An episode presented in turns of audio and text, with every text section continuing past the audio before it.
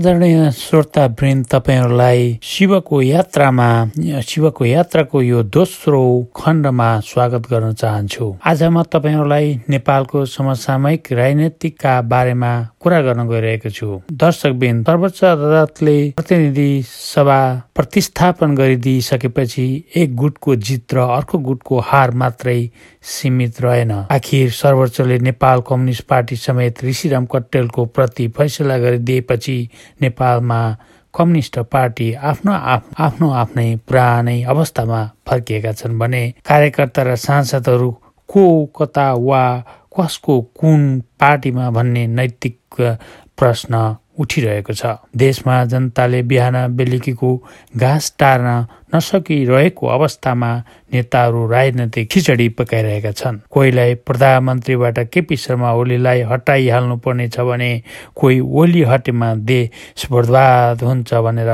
कराइरहेका छन्। खास गरी अहिले केपी ओलीलाई हटाएर कसको नेतृत्वमा सरकार बनाउने भन्ने पनि कुरा भइरहेको छ र विशेषतः ओली धार काङ्ग्रेसको समर्थन लिन चाहन्छन् भने प्रचण्ड ग्रुप जसपाको वा काङ्ग्रेससँग मिलेर सरकार बनाउन चाहन्छ। तर अहिलेसम्म पनि माओवादीले ओली सरकारलाई नै समर्थन गरिरहेको अवस्था छ। उता काङ्ग्रेसमा पनि दुई धार देखिन्छ।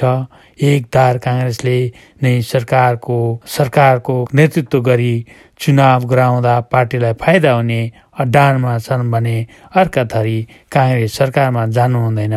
भन्दछन्। सायद आम काङ्ग्रेस समर्थक जनमानसमा काङ्ग्रेसले चुनावी सरकारको नेतृत्व नेतृत्व लिएमा बहुमत आउने सम्भावना देखिन्छ भन्दछन्। मेरो विचारमा पनि काङ्ग्रेसले सरकारको नेतृत्व गर्नु पर्दछ र चुनाव गराउनु पर्दछ यदि चुनावमा देश यदि चुनावमा देश हुत्तिएमा अब जनताले राजनैतिक पार्टी भन्दा माथि उठेर हाम्रालाई होइन राम्रालाई जिताउनु आवश्यक छ।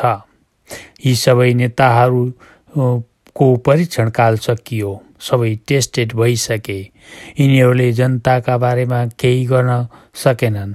अब नयाँ अनुहारलाई जिताई पठाउनु पर्ने आवश्यक छ। त्यसैले बेलैमा सतर्क रहौँ। जसले देश बनाउने योजना तपाईँहरू समक्ष प्रस्तुत गर्दछन् जनताका लागि राहतको योगदा योजना बनाउँदछन् उसैलाई अमूल्य भोट दिई जिताउँ। अर्को हप्ता फेरि अर्को नयाँ कोसेलीका कोसेलीका साथ उपस्थित हुने बाचा गर्दै आज बा आज अर्को हप्ता फेरि नयाँ कोसेली उपस्थित हुने बाचा गर्दै आजलाई बिदा चाहन्छु। नमस्कार